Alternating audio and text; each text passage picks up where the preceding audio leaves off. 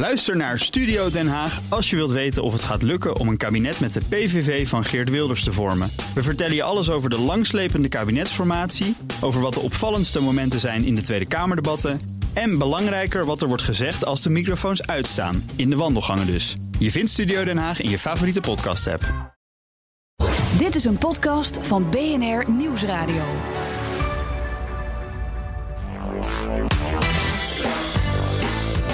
Welkom bij de Ben Tichelaar podcast bij BNR. De podcast over persoonlijk leiderschap. Met elke week tips en inzichten van super inspirerende gasten om beter te worden in je werk. Mijn naam is Ben Tichelaar en mijn gast in deze aflevering is Roos Vonk. Welkom Roos. Hoi Ben. Ja, nou ontzettend leuk dat je er bent. Ik noem even een paar dingen over je, zodat mensen weten wie is dat ook alweer, Roos Vonk. Nou ja, ik denk dat heel veel mensen dat wel weten. Uh, je bent hoogleraar sociale psychologie aan de Radboud Universiteit in Nijmegen. Doe je dat fulltime of ben je daar de hele week aanwezig? Hoe moet ik me dat voorstellen? Nee, um, ik ben twee dagen per week hoogleraar. En um, de rest van de tijd uh, werk ik voor mezelf. Gewoon als freelancer. Dus ik schrijf uh, columns, artikelen en ik geef uh, lezingen, net als jij eigenlijk. Oké, okay. nou ja, mensen kennen jou misschien inderdaad van de Psychologie Magazine natuurlijk. Daar schrijf je een wekelijkse, oh sorry, mm -hmm. een maandelijkse column in. Ik heb hier ook nog staan ja. boek als uh, collega's en andere ongemakken. En je bent wat je doet. Maar wat natuurlijk ook mm -hmm. ontzettend leuk is. Tenminste, dat vind ik altijd weer heel erg mooi om dat bij jou te zien. Is dat je ook echt een, ja, een echte idealist bent. Hè? Actief op het gebied van dierenrechten en milieu. Nou ja, hartstikke mooi in mm -hmm. ieder geval dat je mee wilde werken. Ja, leuk om te doen. We gaan eens uh, de inhoud in. ik wil altijd eigenlijk in deze podcast beginnen met een hele praktische vraag. En de eerste vraag is: wat heb jij nou in jouw loopbaan geleerd waarvan je zegt, nou dat heeft mij echt beter gemaakt in mijn werk? Een praktisch inzicht of een mooie tip, iets wat jou persoonlijk heeft geholpen in jouw werk? Nou, ik, ik denk niet dat ik echt één concrete tip kan, uh, kan zeggen. Uh, kijk, los van, uh, los van, nee, ik doe niet iets heel specifieks. En los van uh, vakkennis die je aldoende opdoet, hè, dus in de loop der jaren doe je veel meer ervaring op. Als ik dan heb over mijn werk aan de universiteit, je leert steeds beter om een goede onderzoeker te worden. Ja. Uh, maar daarnaast denk ik, uh, dat is voor mij echt wel een aandachtspunt. Dat ik ook heb moeten leren dat, uh, ja, wat je dan zou kunnen noemen sociaal kapitaal. Dat dat echt heel belangrijk is. En het gekke is dat ik, uh, ik ben daar van nature niet zo heel goed in. Ik ben maar dus even wel tussendoor, maar wat denk, bedoel je met sociaal kapitaal? Bedoel je leren samenwerken ja, of dat je veel dus mensen de kent? relatie, de, de- dat je, nou, nee, niet dat je veel mensen kent, dus niet netwerken of zo, maar gewoon de relatie. Dus dat je goede relaties met anderen onderhoudt, dat je tijd maakt om uh, Ja. gewoon even een kletspraatje te maken met mensen, dat je, uh, dat je werkt aan de gunfactor, hè, wordt dat ook wel genoemd. Oké, oké. Ehm, dus omdat je mensen veel makkelijker, dat je veel meer voor elkaar krijgt als je een hoge gunfactor hebt. En ehm, het grappige is, ik heb daar heel veel lezingen over gegeven. Ja. hè, over het belang van werken aan je, je emotionele bankrekening, hè, wordt het ook wel genoemd. En ik heb onderzoek gedaan over slijmen, wat een hele Ja. specifieke vorm is van aan je emotioneel kapitaal werken. En dus, ik, ja, dus theoretisch weet ik daar heel veel van. Maar eigenlijk ben ik er zelf helemaal niet zo goed in. Dus ik ben wel, ik ben wel goed, denk ik, zelf in eh, persoonlijk leiderschap. In de zin van eh, dat ik weet wat ik wil, waar ik naartoe wil. En ik ben ook over het algemeen heel taakgericht in wat ik doe. Ja. En ik bewaak, eh, ik bewaak echt mijn onderzoeksagenda goed. Ehm, maar ik ben dus eigenlijk gewoon helemaal niet zo goed in dat sociale. Dus daar moet ik echt op letten. En ook bijvoorbeeld eh, in contact met studenten heb ik gemerkt dat ze je toch snel intimiderend vinden. Ja. Dat is wel toegenomen. En dat je daar dus ook, dat je daar ook aan moet werken. Dat, dat je aardig blijft en dat ze niet te veel. eh, dat je ze niet te veel afschrikt, zeg maar. Ja, dus echt werken ook dus aan die relaties. En, en even heel simpel hoor, maar hoe doe je dat dan? Heb je dan voor jezelf eh, een soort tip dat je tegen jezelf af en toe zegt... nou Roos, nu moet je er even tijd aan besteden. Of zet je het zelfs in je agenda. Hoe zorg je dat je het dan ook echt doet? Nou, ik zet het niet in mijn agenda. Dus het is meer zo dat ik, ehm, dat ik mezelf de laatste jaren heb aangeleerd om me vaker af te vragen van... ja, maar is dit nou nog wel leuk voor die ander? Dus als je heel taakgericht bent, zoals ik... dan ben je toch geneigd om te zeggen... nou, we gaan gewoon zo doen, hup. En ik heb ook snel de neiging om mijn geduld te verliezen met mensen. Dat ik denk, joh, schiet eens op...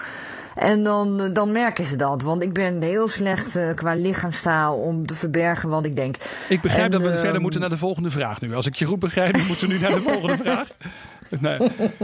Hey, um, nou ja, laten we dat maar doen. Um, jouw werk. Uh, er zijn ontzettend veel dingen waar jij over hebt geschreven in de afgelopen jaren. Maar je hebt een boek geschreven dat heet Je bent wat je doet. En daarbij zeg je eigenlijk, of daarin zeg je eigenlijk, hou nou eens op met al dat pijnzen en piekeren. Je kunt uh, veel beter gewoon naar je gedrag kijken. Hele concrete dingen gaan doen. Je, allerlei idealen en mhm. dromen is leuk, maar het wordt pas de moeite waard als je je gedrag ook weet te veranderen. Kun je daar eens iets over uitleggen? Want dat klinkt inderdaad ook al heel erg taakgericht.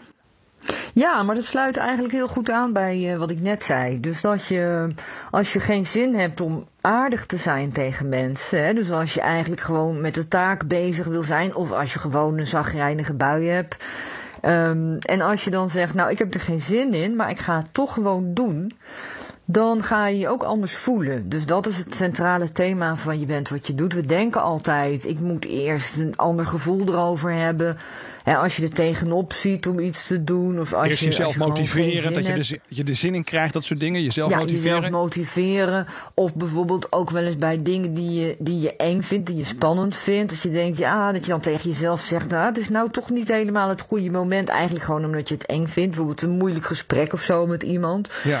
En mijn stelling is van, je moet het toch doen. En je moet dan maar even verdragen dat het niet leuk is of dat, je, dat het niet goed voelt. Hè? Want dat je goed voelen, dat is ook zo'n ding. Hè? Ik denk dat, dat dat heel onvolwassen is. Van we moeten ons altijd maar goed voelen.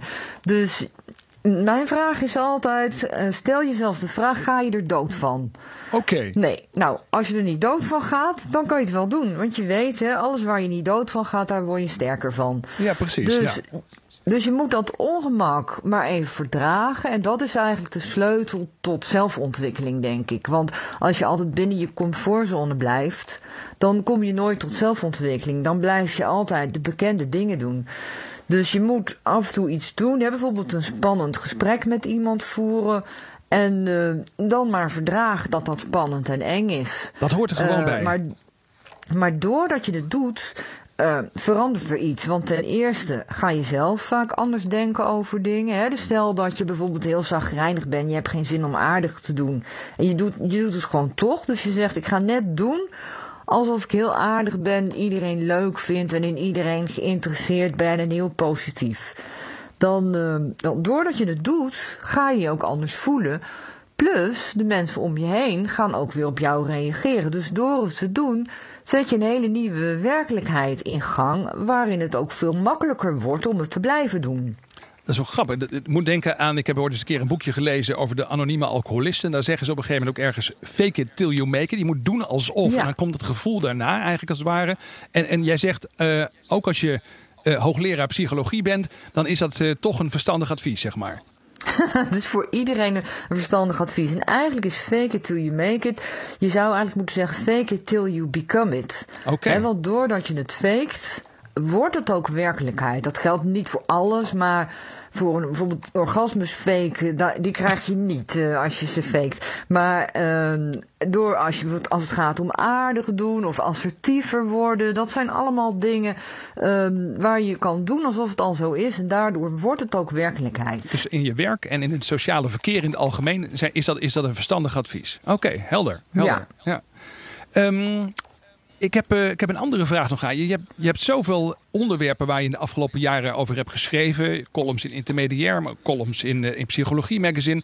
En, en wat is nou een, een inzicht of een theorie waar je zo op gestuurd bent in de afgelopen jaren? Waarvan je zegt, nou ja, als ik nou één ding zou moeten noemen, dan zou iedereen dit moeten weten. Wat, wat zou dat zijn volgens jou? Wat, wat is iets wat iedereen zou moeten kennen uit jouw vakgebied? Nou, dat is, dat is dan denk ik toch, het heeft te maken met zelfkennis. Omdat we allemaal denken dat we door bij onszelf naar binnen te kijken, door introspectie te plegen, dat we dan zien wat ons beweegt, wat onze drijfveren zijn en dat we tot zelfkennis komen. En dat is echt een heel groot misverstand. Daar heeft uh, Tim Wilson een mooi boek over geschreven, Strangers to Ourselves. Ja. Dat is ook vertaald in het Nederlands, Vreemde voor onszelf over het, uh, het feit dat onze motieven zich voor het grootste deel onbewust afspelen. En er is ook onderzoek over gedaan door Emily Pronin, die zegt: We hebben een illusie dat we door introspectie naar binnen kunnen kijken. Ja. Maar het is een illusie, het is niet echt zo. En, um, en dat betekent dus dat we ook heel veel zelfbedrog plegen. We houden onszelf voor de gek. We hebben een soort psychologisch afweersysteem. Waarmee we dingen zo verdraaien dat we ons lekker voelen. En we, we hebben dat zelf niet in de gaten. Als, mensen, als andere mensen zichzelf voor de gek houden, dan zien we dat altijd wel. Precies, dan hebben we dat door. Maar als we het zelf doen, dan, dan kijken we bij onszelf naar binnen en dan zeggen we, nou, ik zie helemaal geen sporen van zelfbedrog. Dus blijkbaar heb ik dat niet. ook geen slechte bedoelingen. en, ja, precies. Ja. ja, ja, of dat, je, of dat je informatie uit je geheugen hebt gewist. Uh, maar natuurlijk zie je dat niet. Hè? Dus, dat, dus dat is een soort onbewuste spindokter die we allemaal in ons hebben. En die draait het ding en die zorgt dat je bepaalde dingen onthoudt en andere dingen vergeet. En dat je er een draai aan geeft. En als je naar binnen kijkt, zie je dat zelf niet. En daardoor denk je dat je niet ten prooi bent aan zelfbedrog. Terwijl je dat net zo hebt als ieder ander. Dus als je een beter beeld van jezelf wil hebben, moet je meer van de buitenkant naar jezelf kijken. Zoals je dat ook bij anderen doet. Want en, en, dat hoe, blijkt hoe doe je dat dan? Moet kloppen. Je, hoe doe je dat dan? Moet je dan vragen stellen aan je vrienden? Moeten die jou beoordelen? Ik heb, ik heb uh, maar dat is lang geleden, ook het boek van Tim Wilson gelezen. En er kwam volgens mij mhm. ook in naar voren dat wanneer andere mensen over jou een persoonlijkheidstest maken, dat het dan zeg maar een, een betere. Uh, beter beeld uitkomt dan wanneer je over jezelf, eh, voor jezelf een persoonlijkheidstest maakt. Dus andere mensen zien jou dus beter. Betekent dat dan mhm. dat je ook aan je vrienden moet vragen, je kennissen, van, joh, wat zie jij mij dan doen? Helpt dat dan? Dat, dat kan helpen, maar dan moet je bedenken dat je vrienden ook niet altijd eerlijk zijn. Want mensen weten wel wat de dingen zijn die ze eigenlijk liever niet tegen jou moeten zeggen. Dus dat, dus dat geeft ook geen garantie dat het beter is. Maar ik denk dat het wel goed is om jezelf aan te leren. Om echt van buiten naar jezelf te kijken. Dus naar je gedrag, naar wat je doet. Dat is ook een reden waarom mijn boek Je bent wat je doet heet. Dus je kijkt bij anderen naar hun gedrag. En als ze daar allerlei verklaringen bij geven, dan zeggen ze ja, maar het gaat mij toch echt om wat je doet. En op die manier moet je ook naar jezelf kijken. En mensen hebben het bijzondere vermogen om dat te doen. Je kunt uitzoomen en je verplaatsen in de schoenen van een buitenstaander. En kijken hoe ziet mijn gedrag er dan uit. Ja, ja ik vind het ook altijd heel erg leuk om mensen te vragen naar hardnekkige mythes in hun vakgebied. Maar dit is dus ook zo'n hardnekkige mythe. Het idee dat je dus jezelf zou kunnen leren kennen door bij jezelf naar binnen te kijken. En dat is iets wat in de psychologie al een heel oud idee is. Maar jij zegt dat idee is mhm. eigenlijk geen goed idee. Nee, dat klopt. Dat is inderdaad een van de vele misverstanden over mijn vakgebied. Dat je tot meer zelfkennis komt door langer over jezelf na te denken. Dat is een misverstand. Oké. Nou, als we toch met misverstanden bezig zijn, zijn er nog een paar misverstanden waar je ons uh, van af kunt helpen in deze podcast. Nou, er zijn er heel veel, hè, want mensen vinden allemaal dat ze verstand hebben van sociale psychologie. En ze komen heel snel met allerlei weetjes. En uh, ik heb in mijn uh, een studieboek geschreven, Sociale Psychologie. Het eerste hoofdstuk gaat bijna alleen maar over die misverstanden. Maar een andere is bijvoorbeeld de eerste indruk is de beste. Daar weet ik dan ook wat meer van, omdat mijn proefschrift ging over uh, hoe een indruk zich ontwikkelt als je mensen beter leert kennen. En uh, dat, dat is natuurlijk niet zo. Natuurlijk krijg je een veel betere indruk van mensen als je ze langer leert kennen en ze in heel veel verschillende situaties uh, meemaakt. Hè. Dus dat is bijvoorbeeld ook belangrijk bij sollicitatiegesprekken, waar vaak wordt gedacht van nou, ik maak een praatje in de lift en als we boven zijn, dan weet ik het eigenlijk al. Wat, wat trouwens wel zo is, is dat als je iemand niet wil, dan, dan weet je dat ook vrij snel. Hè? Want als je bepaalde dingen ziet, je denkt, oh nee, dat wil ik absoluut niet dan, ja, dan weet je dat vrij snel. Dat blijkt ook uit onderzoek. Dat een sollicitant afwijzen kost heel weinig tijd. Oké. Maar als je iemand echt goed wil leren kennen, dan is het natuurlijk logisch dat je iemand uh, in veel verschillende situaties mee moet maken. Zodat je alle verschillende kanten van een persoon kent. En daar moet je dus de tijd voor nemen, anders loop je de kans dat je echt mooie kandidaten dus mist als je bijvoorbeeld uh, eh, HR-adviseur bent. Ja, ja. Hey, um, er is ook een uh, verrassende vraag die wij aan iedereen in deze podcast stellen. ik heb hier. Mm 15 genummerde enveloppen, nummers 1 tot en met 15. En uh, daar zitten vragen in die ook voor mij een verrassing zijn. Dus uh, ik wil je vragen om een, een, nummer te kiezen. Ik ben heel benieuwd. En dan ga ik eens kijken welke vraag in die envelop zit. Wat, uh, ja, ik ook. Wat, hoeveel nummers zijn er? 15. Van 1 tot en met 15 kun je kiezen. Oh, oké. Ik neem nummer 4. Nou, eens even kijken. Gaan we even kijken wat er, wat er in de envelop zit. Oh ja, oh, dit is wel een mooie. Over welke onderwerpen krijgen mensen vaak ruzie met jou? Dus over welk onderwerp krijgen mensen vaak ruzie met jou? Nou, ik ben benieuwd. Ja. Oh, dat is helemaal niet moeilijk. Nee, is dat zo? Vertel. Nou, je zei net al aan het begin, uh, ik ben veel bezig met uh, ja, idealisme. Hè? Dus ik heb wel een sterke drive om de wereld te verbeteren. En met name waar het gaat om milieu, klimaat en uh, dierenwelzijn. En, en, dan natuurlijk ook het liefst de richting die jij goed vindt, of niet? Ja, nou ja, goed. Maar volgens mij vinden we dat allemaal. dat meer ja. dierenwelzijn en beter milieu, dat dat, dat dat goed is. Ja, nee, precies. Maar, maar daar krijgen mensen dus wel ruzie over met jou, begrijp ik. Nou ja, ruzie is misschien een groot woord, maar dat is wel iets waarbij ik makkelijk uh, ja, mijn gevoel volg. En dan het zo duidelijk vind dat we bijvoorbeeld moeten stoppen met vlees eten. Oh ja. Terwijl ik dan te weinig rekening hou met de weerstanden die mensen kunnen hebben. En dat, dat gaat eigenlijk over alles. Hè? Alles wat je mensen vertelt omdat je de wereld beter wil maken dat roept weerstand op. In het geval van vlees, ze zijn ja. gehecht aan hun uh, carbonaatje. Maar ook, je geeft ze eigenlijk de boodschap van wat je tot nu toe deed is verkeerd. Deugt eigenlijk En daar houden mensen helemaal niet van. Dus dat roept heel veel weerstand op. Ja, en daar kan je dan wel uh, irritaties. Maar moet ik zeggen, ik heb wel de afgelopen jaren geleerd om me beter in te houden hoor. En ook om meer te kijken vanuit de kant van de ontvanger. Dus dat is weer dat sociale kapitaal dat ik daaraan heb gewerkt. Ja. Maar dat is wel iets waarmee, uh, waarmee ik makkelijk mensen op de kast kan jagen en zij mij ook. Ja, nee, dus dat is wel heel herkenbaar, moet ik zeggen. Ik uh, ben zelf ook een tijdje geleden gestopt met vlees eten. Nou, een jaar of twee nu. En ik moet zeggen, als, als inderdaad zo'n zo'n frisse bekeerling heb je de neiging om dat uh, bij veel mensen onder de aandacht te brengen. En dat, uh, mijn ervaring mm -hmm. is ook, dat werkt niet. Nee. Nee. Nee. Zeg, nou, ik ben ook heel benieuwd, maar daar hebben we nou denk ik geen tijd voor. Maar ik ben heel benieuwd naar jouw ontdekkingen op dat terrein. Want volgens mij ga jij, ga jij daar heel goed in worden. Oh, nou, dat is heel mooi om dat te horen. Ja, nou, ja. Nou, ik raad iedereen de kookboeken van Otto Lengi aan. Dat, is, dat helpt wel enorm. Dan heb je in ieder geval heel lekker eten zonder vlees, heb je dan. Ja, ja dat wel. Ja, kan. en dan is het ook een positieve boodschap, hè? Ja. Van zo ga je lekkerder eten. Dat scheelt alweer heel veel. Ja, oh, nou, dat is mooi om te horen. Zeg, we moeten inderdaad alweer gaan afronden. De tijd is inderdaad kort mm -hmm. uh, voor deze podcast.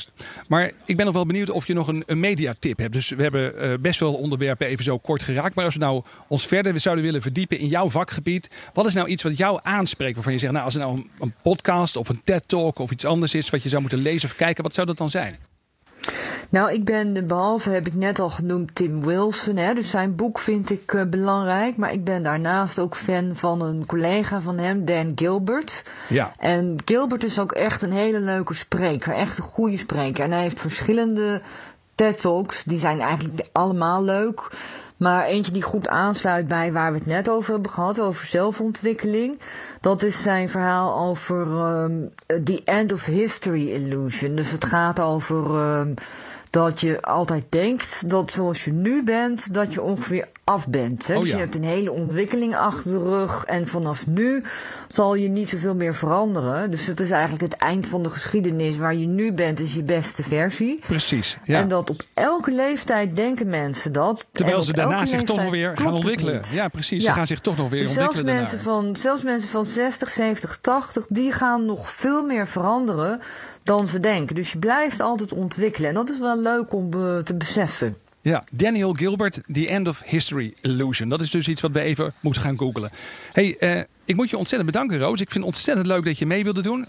Oké, okay, ik vond het leuk om te doen. Ik heb hier uh, nog staan dat als we jou verder willen volgen, dan kunnen we onder meer kijken op Facebook en dan slash roosvonk1. Dus roosvonk1 op Facebook. Daar kunnen we allerlei dingen van je lezen. Um, dit was de Ben Tichelaar podcast bij BNR met als gast Roos Vonk. En als je het interessant vond, check dan ook de andere podcasts op www.bnr.nl slash podcast.